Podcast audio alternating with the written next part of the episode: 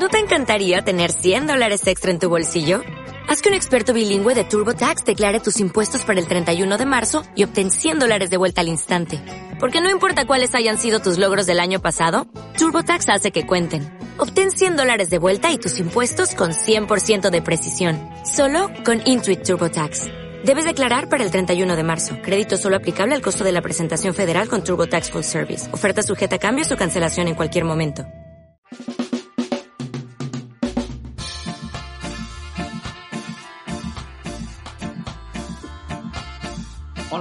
La Maria Gonzalo i això és Sobre Taula. Sobre taula és un podcast casual i espontani on intentem respondre preguntes d'amics i oients a través de converses amenes. Si voleu que responem alguna de les vostres preguntes, si us plau envieu-nos-les per e-mail a podcast.sobretaula.gmail.com o al Twitter eh, pod barra baixa sobre taula. Avui volíem començar eh, explicant una mica aquesta primera setmana de, de podcasters, de la nostra nova vida de podcasters. Ahà. Eh, hem tingut... Bueno, hem gravat el primer episodi, aquest és el segon, i, i res, eh, ha sigut una setmana una mica estranya, no? Perquè hem hagut de...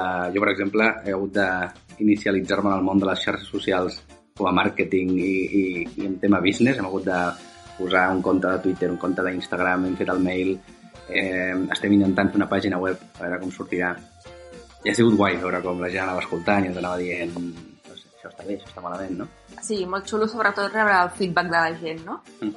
I evidentment intentant que el podcast arribi al màxim de persones possibles. O sigui que també és cosa vostra, si us agrada, passar-ho a més gent. De fet, a dia d'avui tenim 135 reproduccions, Maria. 135. Reproducció, o sigui, si tu escoltes dos vegades, puja No, a dos, en, no. en principi no, perquè jo m'he escoltat més de 135 vegades, crec, i, i no ha pujat. Segur que no és exacte, això deu comptar una mica com pot, però en principi filtra una mica i això vol dir que, que sí que, que bueno, almenys, no, cent i pico persones, està prou bé. Prou bé, prou bé. Gràcies. I també tenim aquell mail on us podeu subscriure. Exacte. El mail ara mateix el podeu, el podeu trobar a sobretaula.com barra email. Allà hi ha un formulari, poseu el mail i us enviarem emails eh, cada cop que traiem un, un episodi nou. Això també volia parlar, Maria, perquè hi ha molta gent que m'ha preguntat eh, sí, molt bé l'episodi, però clar, com, com us puc seguir? On hi ha un lloc on, on, on us pugui seguir? I hi ha diverses maneres. Una és el mail que acabem de comentar, et pots eh, subscriure per e-mail i llavors t'arriba un mail amb l'episodi. Però això és una mica, una mica conya, perquè l'email, no sé tu, eh, però a mi quan m'arriben emails ha coses que dic, bueno, sí, ja me'l miraré, Sí, i veritat. o va a l'spam, i, i, i l'email és una cosa una mica que no... Jo crec que no és no va bé per aquestes coses. I el que també podeu fer és seguir-nos al, al Twitter. Al Twitter sempre posarem actualitzacions d'això. Sí. I una altra, una altra opció, que és la que utilitzo jo personalment quan escolto podcast, i crec, jo crec que és el que fa la majoria de la gent, és tenir una aplicació de podcast al teu mòbil. Perquè bàsicament els podcasts els, els escoltes al mòbil. Quan vas sé, caminant o quan vas per, pel carrer o autobús o el que sigui. Uh -huh. I, de fet, si mires les estadístiques de la gent que ens ha escoltat el podcast, crec que un 80 i pico per cent ha sigut des del mòbil. Des del mòbil, sí. Llavors, hi ha aplicacions. Si teniu un iPhone, hi ha l'aplicació de- d'Apple, típica que també va al mòbil, de podcast. Allà, Mhm. si busqueu sobre taula, sortim nosaltres.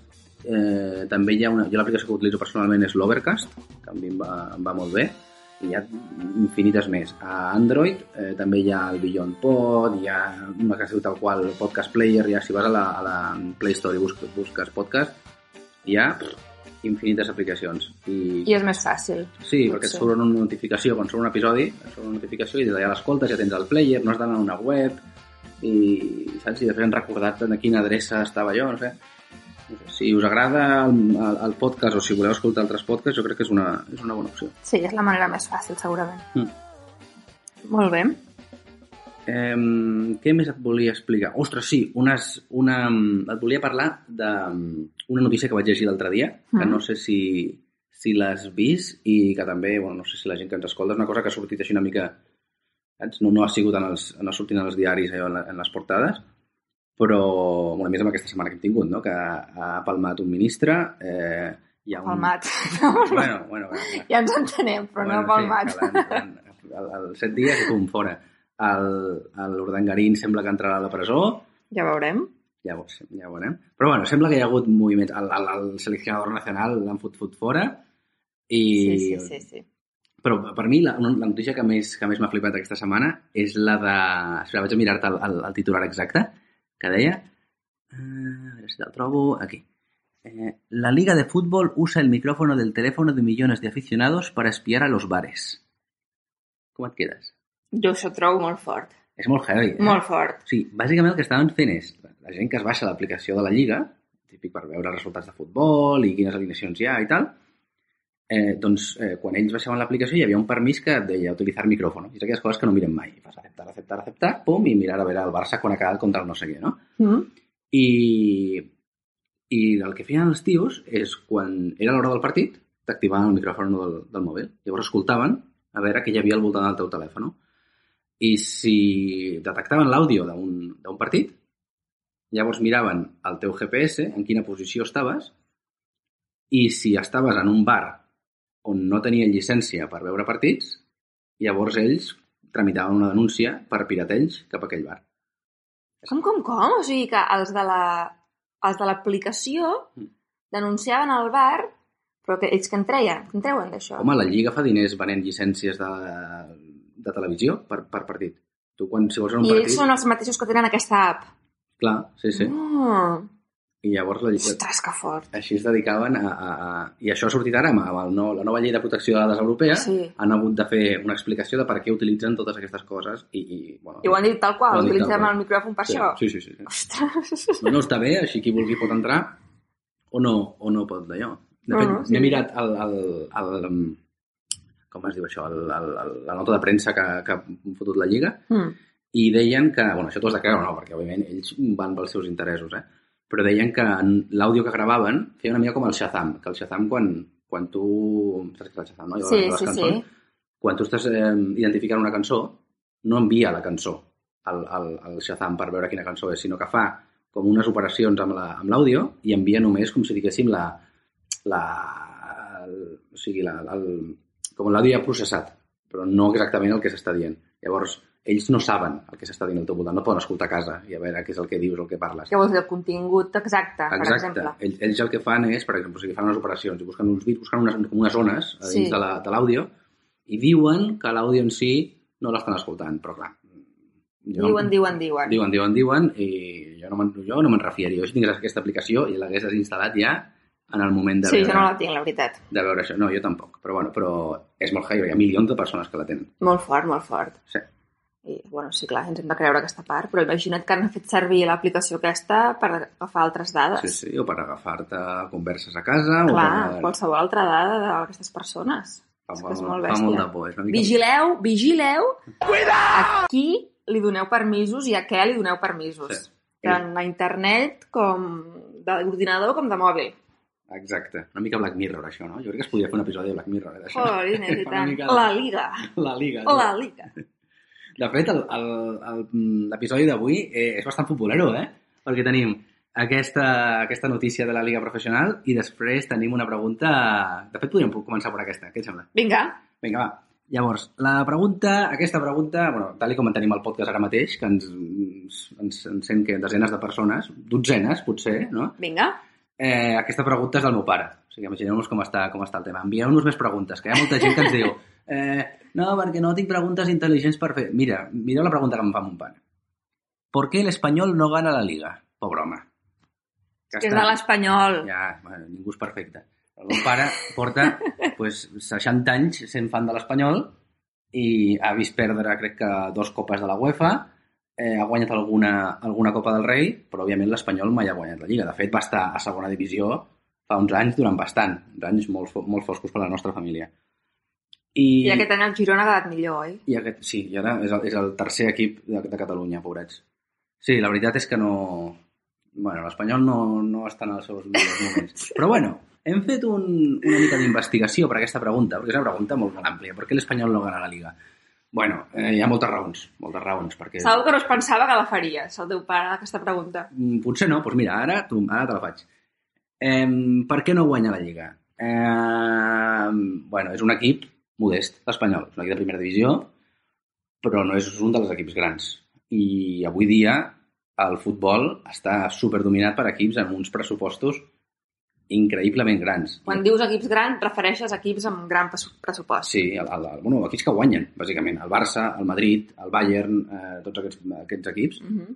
Són, són equips que tenen molts diners. I, de fet, com que tenen molts diners i competeixen en, en Champions i guanyen lligues i tenen contractes de publicitat milionaris, encara fan més diners. I llavors jo crec que la, en els últims anys inclús es pot veure com la com s'ha anat no, separant els equips més bons. La Lliga, bàsicament, més dos, potser tres. Però fa anys hi havia el València, hi havia el Depor, Mm. hi havia una mica més de, sí. de competitivitat. I ara, pues, bueno, és, és, és... O sigui, jo no crec que tenir diners et faci ser un equip guanyador, perquè hi ha molts equips que han tingut inversions no, de, de, de estrangeres de milions i milions i no acaben de Mhm. rutllar, però que sí que està clar que és que els que funcionen sí que tenen diners. Sí. I llavors sí. anem a mirar com es compara el pressupost de l'Espanyol, per exemple, com amb, amb, amb un equip com el Barça, que és el que acaba de guanyar la Lliga aquest any. Vinga. Doncs l'Espanyol té el 10% del pressupost que té el, el Barça. O sigui, és 10 cops més petit. I el, el, si, si ordenes el, Estàs mm, parlant del pressupost general? per la temporada que acaba d'acabar. Val, no només el pressupost que tenen pels jugadors, sinó tot en general, Quants eh? diners es gasten com a, com a equip. Com a, val. Com I, grup, sí. I si mires la Lliga, l'Espanyol és l'onzè equip en, en pressupost. D'acord? O sigui, té 10 equips per sobre que tenen més, Més diners, que o sigui, sí. que són de la capacitat de gastar-se més diners que, que l'Espanyol. I he mirat també com ha acabat la Lliga aquest any, i de fet l'Espanyol ha quedat 11è. Carai, tu. Llavors ha quedat exactament com si diguéssim en el lloc que li toca per diners. O sigui, Segons que està prou bé, que sempre es diu que l'Espanyol va fatal, no sé què, Mm. i, i doncs mira, ho han fet prou bé. El Girona segurament ha quedat millor del pressupost. El Girona, de fet, és un cas molt especial perquè tenia el pressupost més petit de tota la Lliga, Sí. que són 44 milions d'euros. O sigui, Res, res. Quasi nada. Era l'últim, eh? O sigui, el, el, el número 20. I ha quedat desè. Uh! Sigui, ha pujat 10 posicions Visca el Girona, molt des bé. de, sí, des d'on de, des sortia, perquè, òbviament, era un equip que acabava de, de sí, pujar clar, a la segona sí, sí, sí. i no... I, bueno, mira tu, ja ha acabat desè. Molt Molt bé. bèstia. Mhm. I, de fet, la- la- l'altra cara de la moneda, el pitjor, el que va començar més a dalt, és l'Atlètic, que tenia 116 milions d'euros de pressupost, o sigui, sisè de la Lliga, Mm? i ha acabat eh, en la posició 16. O sigui, ha baixat 10 posicions. De fet, les que ha pujat el Girona les ha baixat l'Atlètic, que està a punt de, de baixar a segona divisió.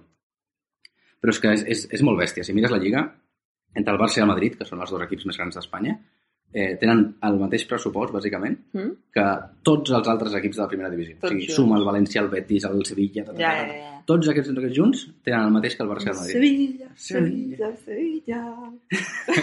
Encara som molt del Barça, però ens agrada... Ens Ens agrada cantar, ens agrada ens cantar. agrada l'himne del Sevilla una mica. Sí. I llavors, tornem a la pregunta. ¿Por qué el Espanyol no gana la Lliga? Bueno, l'he explicat una mica per un tema de diners i tal. Però, quines possibilitats té exactament l'Espanyol de guanyar la Lliga? A veure. Si mirem cases d'apostes a, a internet, Uh -huh. per la temporada que ve, la 2018-2019, li donen un, espera't, eh, 0,084% de possibilitats de guanyar la Lliga.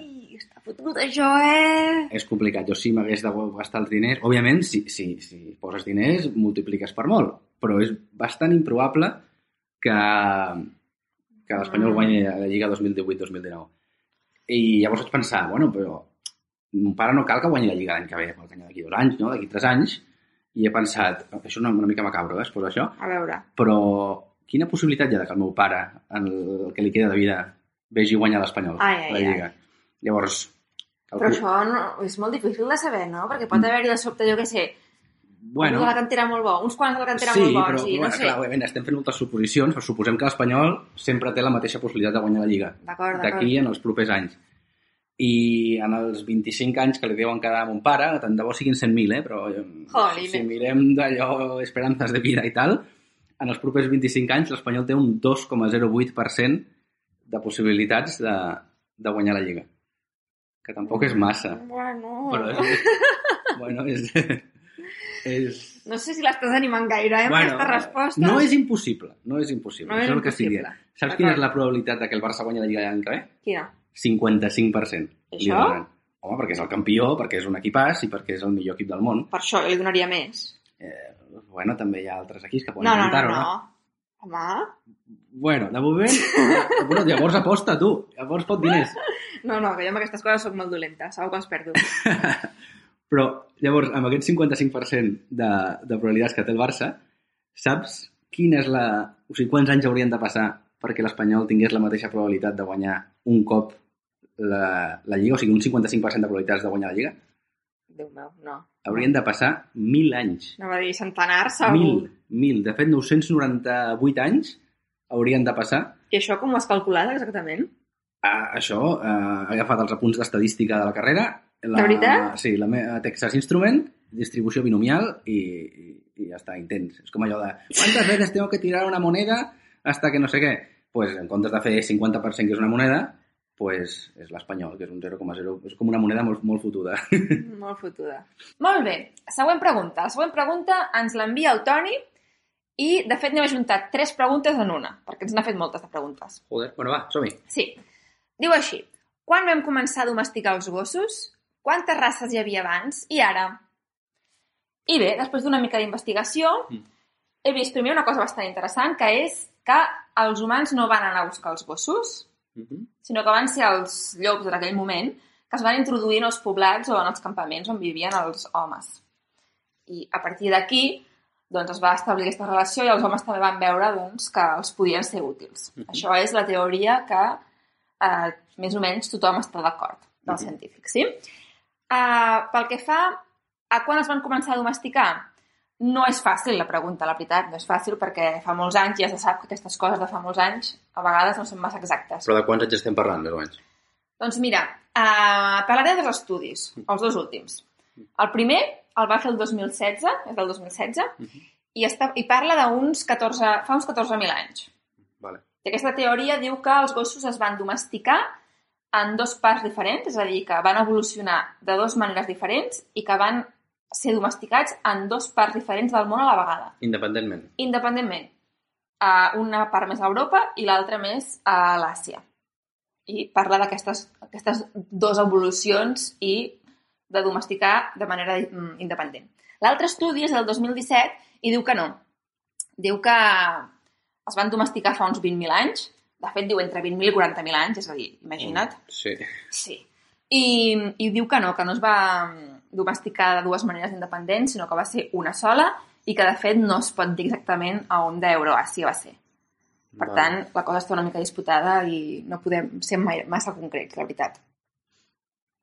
Uh, el que sí que és veritat és que els primers um, fòssils trobats amb gossos domesticats, que tothom està d'acord, es van trobar a Bonn, a Alemanya, fa uns 14.000 anys. O sigui, estem parlant de- d'una típica cova, no? Amb, amb, amb restes d'humans i al, al costat un gos, no? Com, com... Exacte, del qual al costat un gos i els collarets i aquestes coses tot junt. Quants anys has dit? Això 14.000 anys. 14.000 anys. De fet, ja es van trobar també en una cova humans amb gossos enterrats Uh -huh. de fa 30.000 anys a Bèlgica, Sí. però aquests d'aquí eh, no es posen d'acord amb si eren gossos domesticats o no. Es Vale. diu que potser eren gossos o llops que no estaven domesticats, però que simplement estaven per allà a la zona, que començaven una mica a tenir interacció amb aquests O humans. sigui que portem mínim 15.000 anys de relació amb aquests animals domesticats. No? Exactament. Això segurament, això segur que sí. Que bèstia. Sí, sí, sí. I pel que fa a les races, doncs actualment n'hi ha més de 400 Uh -huh. I la gran majoria eh, s'han creat aquests últims 200-150 anys. Vale, llavors si ara tenim 400 races, abans quantes teníem? No t'ho sé dir, no t'ho sé dir. Mm. Perquè, de fet, ha sigut a partir del final del segle XIX que es van començar a barrejar totes aquestes races mm, més perquè nosaltres volíem.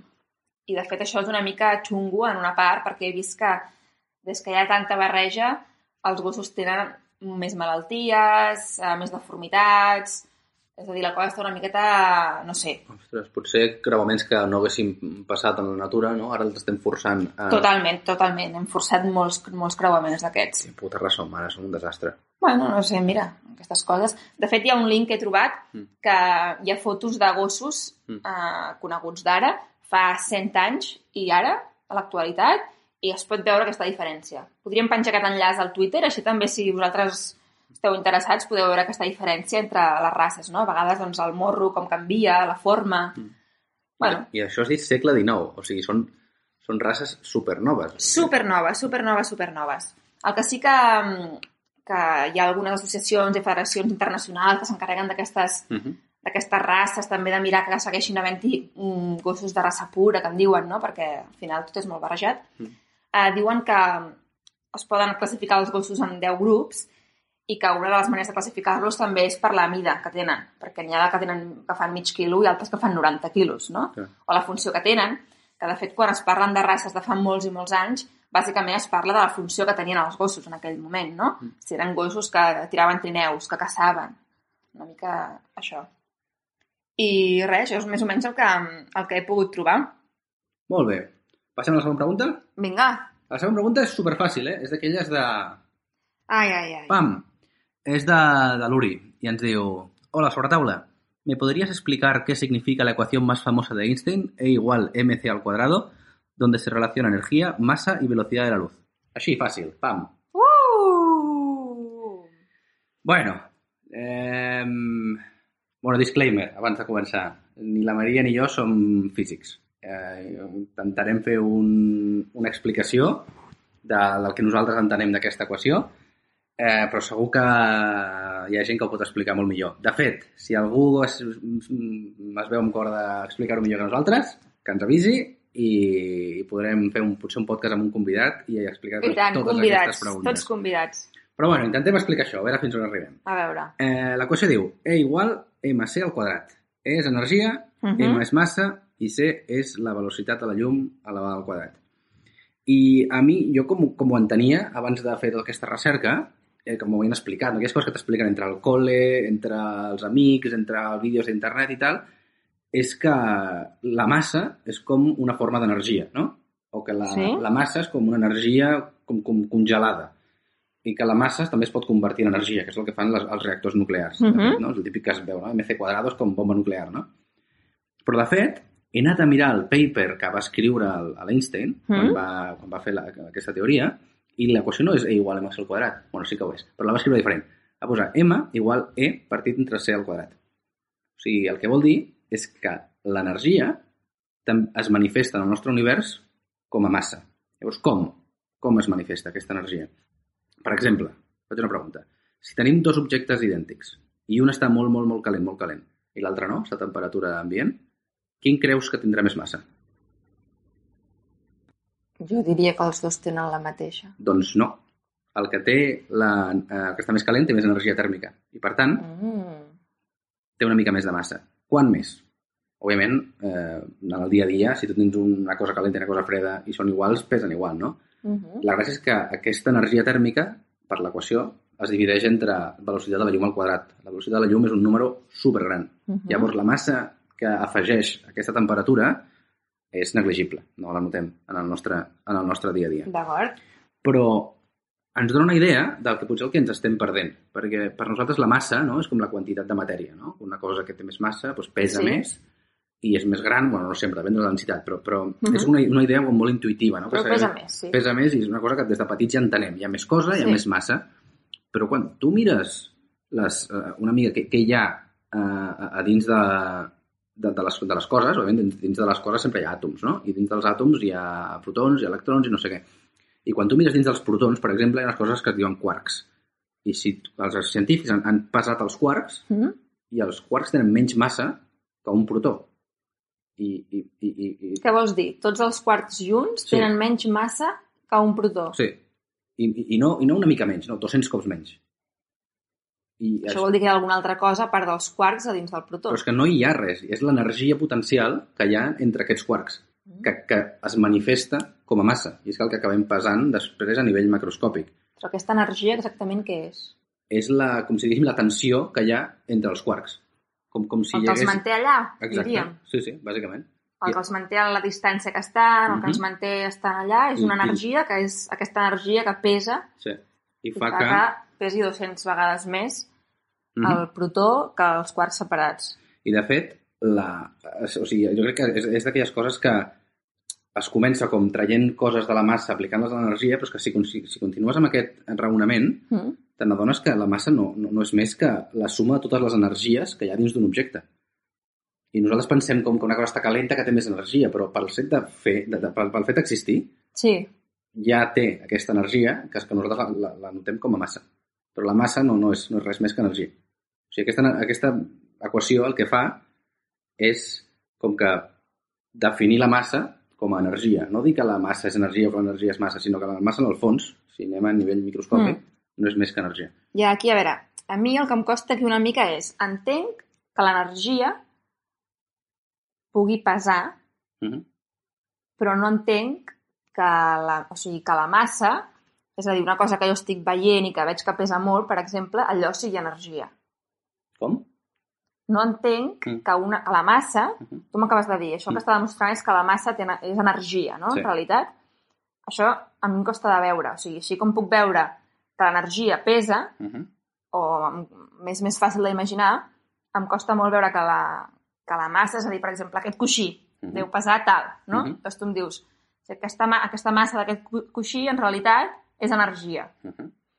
Em costa veure per què és energia. O sigui, tu què m'estàs dient? Que hauríem de descomposar tot aquest coixí de manera que veiéssim l'energia que està lligant les parts del coixí.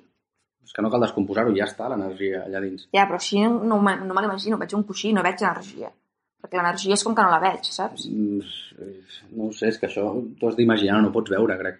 Ja, és que això és el que em costa, aquesta part abstracta, potser una mica, saps?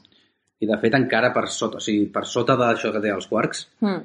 hi ha tota una teoria que potser et sona, que és del, del boson de Higgs, que es va descobrir Sí, fa uns, sí, sí, fa uns sí. anys, Sí. i que explica la massa, això sí que és una cosa que no sóc expert ni de conya, però pel, pel que he llegit, explica la massa com una interacció d'objectes amb, amb un camp de Higgs, que es diu.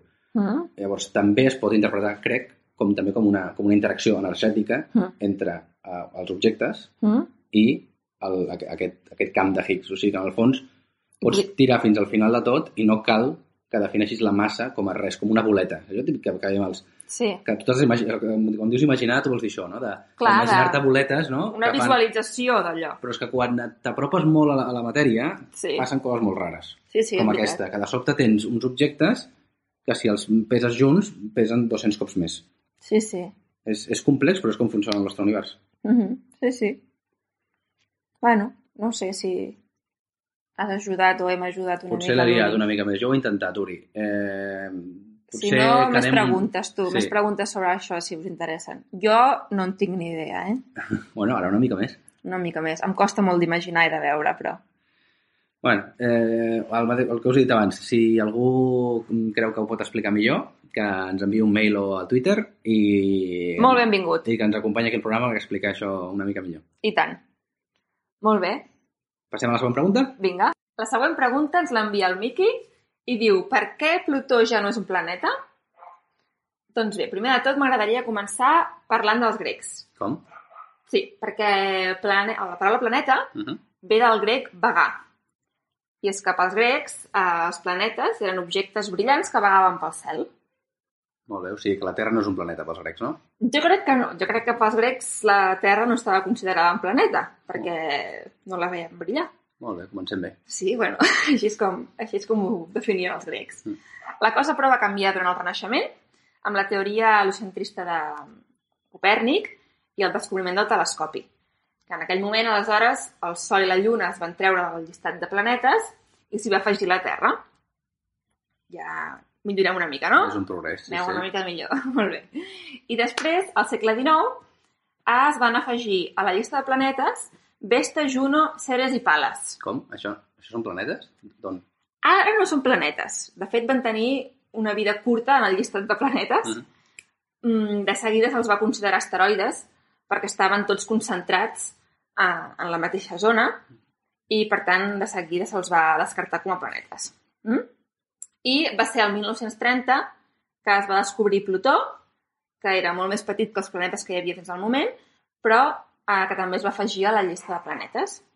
I més endavant, eh, durant el segle XX, es van descobrir encara més objectes que estaven també més enllà de Plutó i, de fet, se'n va descobrir un que encara era més gran que Plutó. El van anomenar Eris. I aquí, aleshores, van tenir una mica de problemes amb la definició de planeta, què posem com a planeta, què no posem com a Clar, planeta... i on, i on talles, no? Perquè si no la llista es comença a fer infinita. Ah, exacte, exacte, exacte.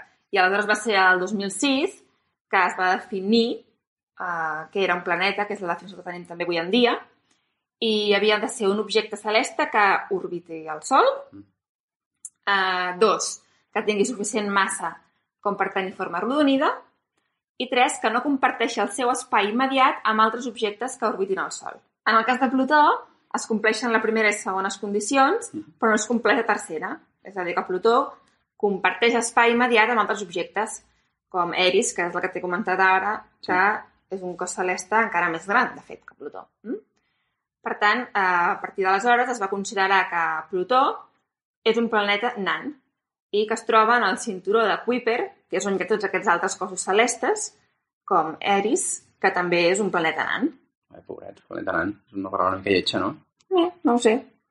Les coses es van definint, ja saps. Pobrets. Fins aquí l'episodi d'avui. Sí, això seria tot. Recordeu, Twitter, el mail per enviar preguntes, suggeriments. Ah, per cert, estic molt, molt enfadada, Per què? que no m'has fet riure. Bueno, no m'han enviat cap acudit. No voleu que rigui. No voleu que rigui. Això ho sembla, Maria. Bé. Ho hauràs d'intentar d'una altra manera que no siguin acudits. Sí, no ho sé, ja pensaré alguna cosa. Uf, quina feinada, tu. Ai, és una feinada. I també mireu-vos aplicacions de podcast, que mola molt, de veritat, us enganxareu, és superdivertit. Exacte. I, i, i, perdona, Uh -huh. si volen saber una mica més d'aquest món del podcast, vas fer un petit escrit que Ah, és està al Twitter, Uh -huh. Eh? i és un article curtet, molt fàcil de llegir, que us encantarà per estar una mica més informats de què són els podcasts, com els podeu escoltar, de manera fàcil, que no us, us faci un món. Va, tornaré a posar al Twitter perquè la gent ho vegi. Exacte. I recordeu, encara que no tingueu Twitter vosaltres, podeu anar a Twitter i veure aquests articles. I envieu-nos preguntes, no teniu manies. Ah, i una cosa que estem molt indignats Mm. és que encara no hem rebut cap pregunta d'una noia. Ah, sí, sí, sí. Què passa, noies? Qualsevol cosa, és igual, qualsevol cosa. Tot nois, què és això? Vaig mirant preguntes, tot nois, i dic, jolines, les noies. Va. Va, tingueu por. Vinga, vinga, endavant. Va, la setmana que ve, bueno, aquí, fins aquí dues setmanes. Sí, dues setmanes. Adeu. Adeu.